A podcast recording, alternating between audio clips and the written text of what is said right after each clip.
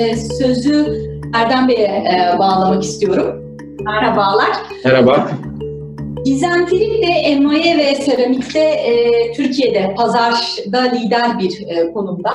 Aynı zamanda da küresel e, ölçekte baktığımız zaman pazarda ikinci firma olarak çalışmalarını sürdürüyor diyebiliriz. Şimdi üretim hacminizi de düşünürsek sizin sürdürülebilirlik ve döngüsel ekonomi odaklı çalışmalarınız nelerdir? Hangi aşamalara odaklanıyorsunuz şu anda? Ee, biz tabii ki e, sorumlu tüketim ve üretim felsefesini benimsemiş bir şirketiz. E, bunu da e, şirketteki bütün çalışanlar, e, aynı zamanda tedarikçilerimiz için de bir geliştirme programımız var. Onları da bu felsefeyi benimsetmeye çalışıyoruz. E, doğal kaynaklarımızı etkin bir şekilde ve minimum kullanmaya çalışıyoruz. Bununla ilgili birçok yaptığımız faaliyet var, çalışma var. E, aslında bunlar e, Akkök grubundaki tüm şirketlerde, e, Gizem Filip'te olduğu gibi bizim kültürümüzde var. E, yani e, biz uzun yıllardır Akkök grubu çalışanları olarak baktığımızda bu konudaki aldığımız eğitimler, çalışmalar e, bizi zaten bu şekilde düşünmeye itiyor. E, bu konuda e, üst yönetimimizin de tam bir desteği var. E, yani şöyle örnek vermem gerekirse, mesela yönetim kurulları e, sağlık, emniyet ve çevre sunumuyla başlar. Yani gelir tablosuyla dan önce önce bu konularda yaptığımız çalışmalar, projeler, e, mevcut e, durumumuzu gösteren bir takım KPI'lerimizin üzerinden geçeriz. Ondan sonra şirketin finansallarıyla devam eder. Biz bu kültürün 5 e, yıl önce Gizem Frit'in Akkök bünyesine katılmasından sonra bu kültürün ve felsefenin bütün şirkete yayılması ile ilgili e, birçok çalışma yapıyoruz. E, öncelikle bir kültür değişimi bizde tabii ki çok önemli çünkü e, Elvan'ın da bahsettiği gibi her şey aslında insanla başlıyor ve devam ediyor. E, biz bu konuda bir çalıştay yaptık. E, çevre çalıştayı yaptık. Arkasından e, çalışanlarımız yönelik tiyatro etkinlikleri düzenledik. Çünkü aslında baktığımızda e, ayrıştırma ve tekrar kullanma konusunda açıkçası çok e, iyi bir noktada değiliz. E, dolayısıyla biz bu projeleri başlattığımızda ya da bu kültür değişimini başlattığımızda en çok sıkıntı çektiğimiz konulardan bir tanesi de e, bu ayrıştırma ve tekrar kullanım konusundaki e, çalışanların bilincinin arttırılmasıydı. E, yani bu noktada şöyle bir örnek vermem gerekirse biz yönetim olarak defalarca bu topladığımız atıkları herkesin gözü önünde bizler de dahil olacak şekilde ayrıştırdık. Oradaki farkındalığı arttırmak, yani biz yapıyorsak siz de kaynağında ayrıştırın şeklinde. Ee, onun dışında Dünya Çevre Günü'nde bir etkinlik yaptık e, şirket olarak. E, şirketteki çalışanların eşlerini ve çocuklarını çünkü çocuklar ve gençler bu konuda gerçekten çok duyarlı. Bizim şirket çalışanlarımızdan özellikle genç arkadaşlardan birçok sivil toplum kuruluşuyla bu çevre etkinliklerine katılan arkadaşlarımız var. E, eşleri ve çocukları fabrikaya davet ettik. E, hem babaların nerede çalıştıklarını gördüler hem de onlar aslında bizim elçilerimiz e, hem çevre konusunda hem de iş güvenliği konusunda e, ebeveynlerini yönlendirecek kişiler onlar. Onlarla beraber 300 tane ağaç diktik. Ağaçlara onların isimlerini verdik, künyelerini taktık. Önümüzdeki sene tekrar çağıracağız onları. Aslında genç jenerasyonu harekete geçirmek çok önemli. Ben onu söyleyebilirim. Yani nasıl e, her işletmede e, sıfır kaza bir hedefse ama mutlaka ufak tefek de olsa iş kazası oluyorsa da sıfır atık da bir hedef olmalı. Biz şirket olarak sıfır atığı e, bir hedef olarak koyduk. Bunun dışında bizim de büyük projelerimiz var. E, şimdi Gizem Frit benzeri üretimi olan firmalar aslında bu konuda çok şanslı. Çünkü biz yüksek ısıda ergitme yapıyoruz yüksek ısıda ergitme yaptığınızda çok doğal gaz kullanıyorsunuz ama bir taraftan da e, farklı ham maddeleri oksidik kompozisyonumuza uygun şekilde değerlendirme şansımız ortaya çıkıyor. Ve e, tasarruf ettiğinizde de gerçekten çok ciddi milyonlarca liralık tasarruflar ortaya çıkıyor. Biz sıfır atık projesini bir altı sigma projesi olarak ele aldık. Arkadaşlarımız kendileri çalıştılar. Gökdelir analizleri yaptılar. Atığı kaynağında nasıl yok ederiz gibi yaklaşık yıllık 5 milyon TL gibi bir tasarruf sağladı o projeden. Devamında ise iki tane önemli projemiz. Bir tanesi oksijenli yanma sistemi. Biz şu anda doğal gazı havayla e, yakıyoruz. Oksijenli yanma sistemine geçtiğimizde tamamen tüm enerjimizi sıfırlayacağız. Bu ay ilk fırınımızı devreye alıyoruz. E, akabinde e, NOx ile beraber yüzde 40 civarı bir doğal gazda azalma olacak. Bunlar hep doğal e, kaynakları etkin kullanma e, alanında yaptığımız çalışmalar. Bir de e, atık ısı geri kazanım projemiz bizim de var. Fakat şöyle biz zaten atık ısıyı birinci fazda geri kazanıyoruz. Bir reküperatif sistemimiz var ve yakma ovamızı önden ısıtarak kullanıyoruz. Burada sektöründe yani emaye seramik sektöründe dünyada bir ilk olacak proje. Biz baca gazımızı tekrar alıp kendi elektriğimizi kendimiz üreteceğiz ve burada yaptığımız İspanyol bir firmayla da anlaşma imzaladık. Yaklaşık tükettiğimiz elektriğin yüzde doksanını kendi kendimize üretebilir hale geleceğiz. Aynı zamanda e, yine Young Innovators e, projesi kapsamında da tedarikçilerimizin, müşterilerimizin sahasında duran bazı ham maddeler, onların atıl olarak ya da atık olarak beklettiği bazı ham maddeler aslında bizim değer zincirine katabileceğimiz ham maddeler. Bununla ilgili bir çalışma başlattık ve devam ediyoruz. Hatta ilk çalışmamızı da hemen bulunduğumuz OSB'de e, yakın bir firmayla ortak bir ARGE projesi başlattık. Onların sahasında onların kullanamayacağı e, atıl olarak duran ham maddeleri biz prosesimize kazandırmaya çalışıyoruz. Bunun gibi birçok projemiz var. Araya girmek gerekirse şimdi projelerinizden bahsediyorsunuz. Bu bu çalışmaların finansmanı noktasında e, kendi ayırdığınız bütçeyi mi kullanıyorsunuz? Evet, ee, kendi ayırdığımız bütçeyi de kullanıyoruz. Aynı zamanda desteklerden de faydalanıyoruz. Yani kamu desteklerinden mi evet. TÜBİTAK vesaire Evet, evet. TÜBİTAK desteklerinden faydalanıyoruz. Ee, Türk aleti teşviğimiz var. Zaten ARGE merkeziyiz. Dolayısıyla bu tip ARGE projelerinde e, destek bulmakta herhangi bir sıkıntı çekmiyoruz. Ama üst yönetimimiz de açıkçası bu tip projelere e, son derece ilgili, destekliyorlar. Her yönetim kurulumuzda burada, bu projelerle ilgili gelişmeleri ben kendim bizzat gidip yönetim kurulumuza anlatıyorum. Bu durumda yönetimsel bir iradenin de aslında bu konuyu önceliklendiriyor olmasının süreci oldukça hızlandırdığını söylemekte mümkün olabilir diyebiliriz belki. Benim dikkatimi çeken şey sanırım siz kendi e, üretim e, fazlarınızla alakalı bir ihtiyaç analizi de yapmışsınız ve çok ortaya çıkan bir şey artan yani sizin yüksek enerji maliyetleriniz o, o nokta ile ilgili olarak e, önceliklendirme yapmışsınız diye düşünüyorum e, anladığım kadarıyla. Aynen öyle. E, sonuçta biz e, yüksek ısıda ergitme yapan bir prosesimiz var. E, bu bir taraftan dezavantaj çünkü e, ciddi anlamda e, doğal kaynak tüketimi yapıyoruz, hı hı. doğal gaz tüketimi yapıyoruz. Ama bir taraftan da büyük bir şans çünkü o kadar yüksek ısılara çıktığınızda aslında birçok atıl ya da atık malzemeyi prosesinize kalitenizden herhangi bir ödün vermeden ARGE projeleriyle katıp ya işlenmiş ham madde kullanmak yerine e, atıl ham maddeleri kullanma yönünde projelerimiz var. Aslında bizim Akkök'le beraber Gizem Filit'in e, Young Innovators programı kapsamındaki projesi de tam olarak bu. Çok teşekkürler. Ee, şimdi ilk turu tamamlamak adına sözü e, Mahmut Bey'e e, vermek istiyorum.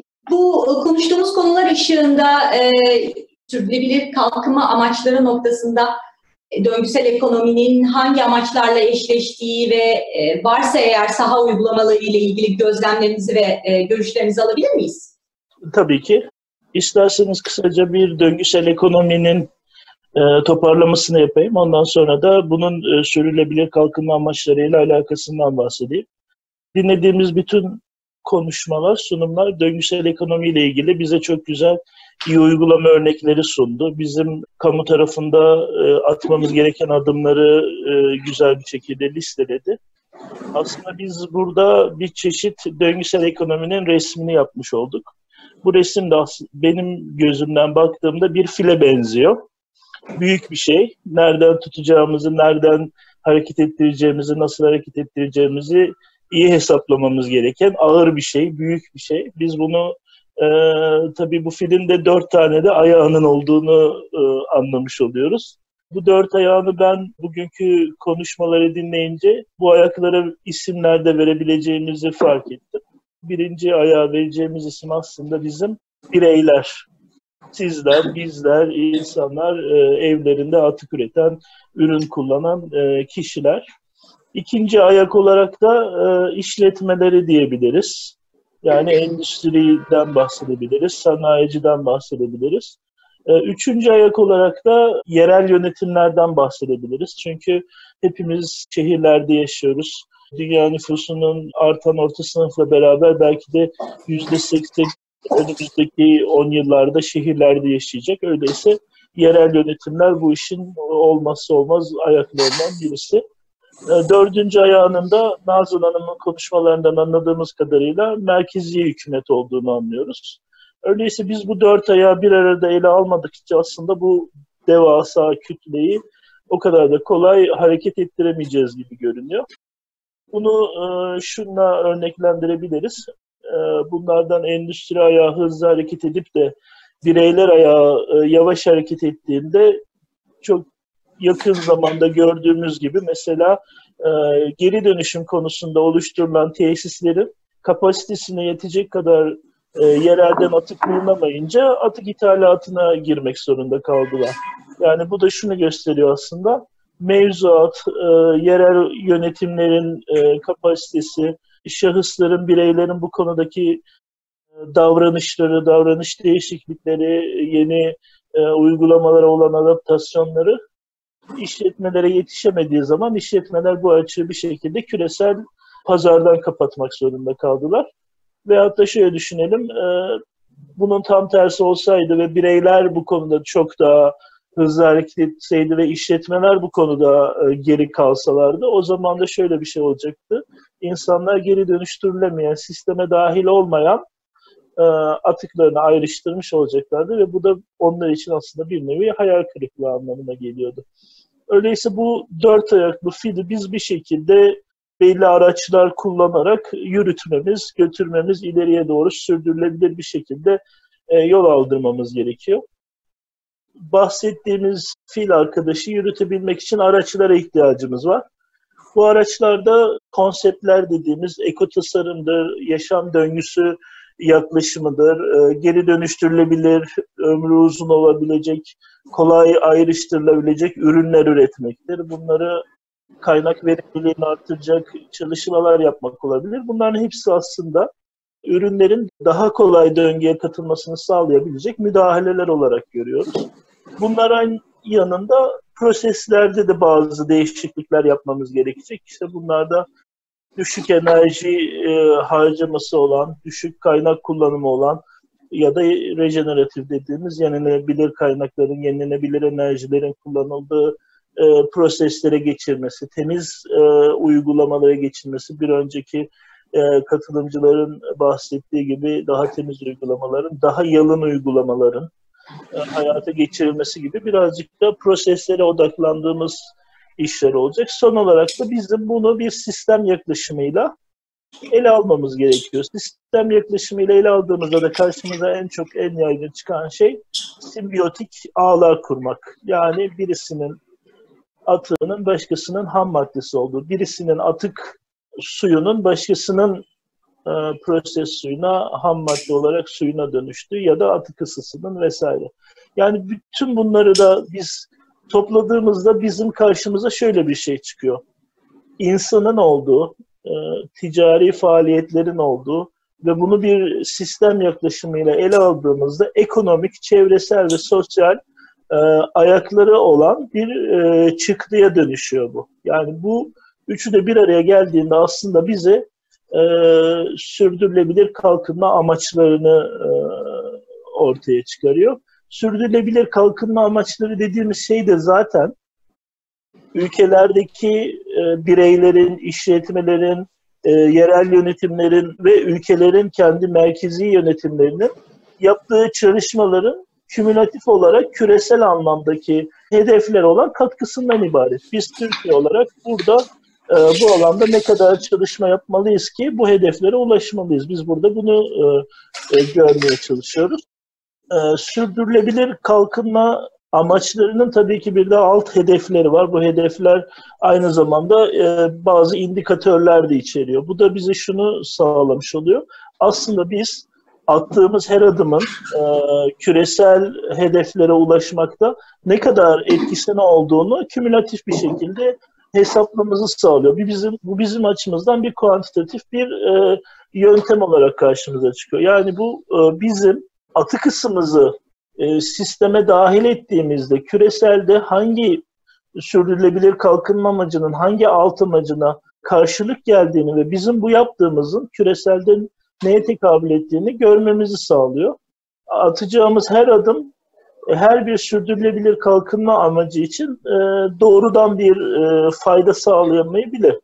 Burada şunu görüyoruz, en büyük resme baktığımızda aslında sürdürülebilir kalkınma amaçlarının hepsine bir şekilde hizmet edilecek, katkı sağlayacak bir çalışmadan bahsediyor. Döngüsel ekonomi dediğimiz zaman sürdürülebilir kalkınma amaçlarının her birine bir şekilde etkisi olan bir şeyden bahsediyoruz. Ee, yani burada ben özellikle sürdürülebilir kalkınma amaçlarının her bir alt hedefinde döngüsel ekonominin nereye tekabül ettiğini e, ortaya koyan bir çalışma gördüm. Onu paylaşmak istedim sizinle.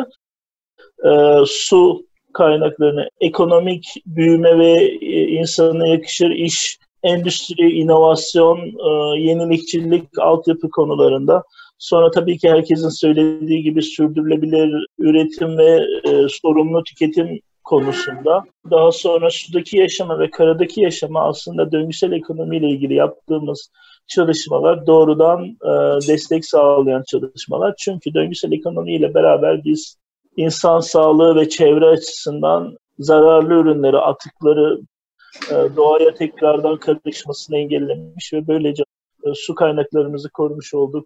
Aynı zamanda fosil yakıtlardan daha fazla e, enerji üretilmesini engelleyerek aslında küresel ısınma, iklim eylemine katkıda bulunmuş oluyoruz.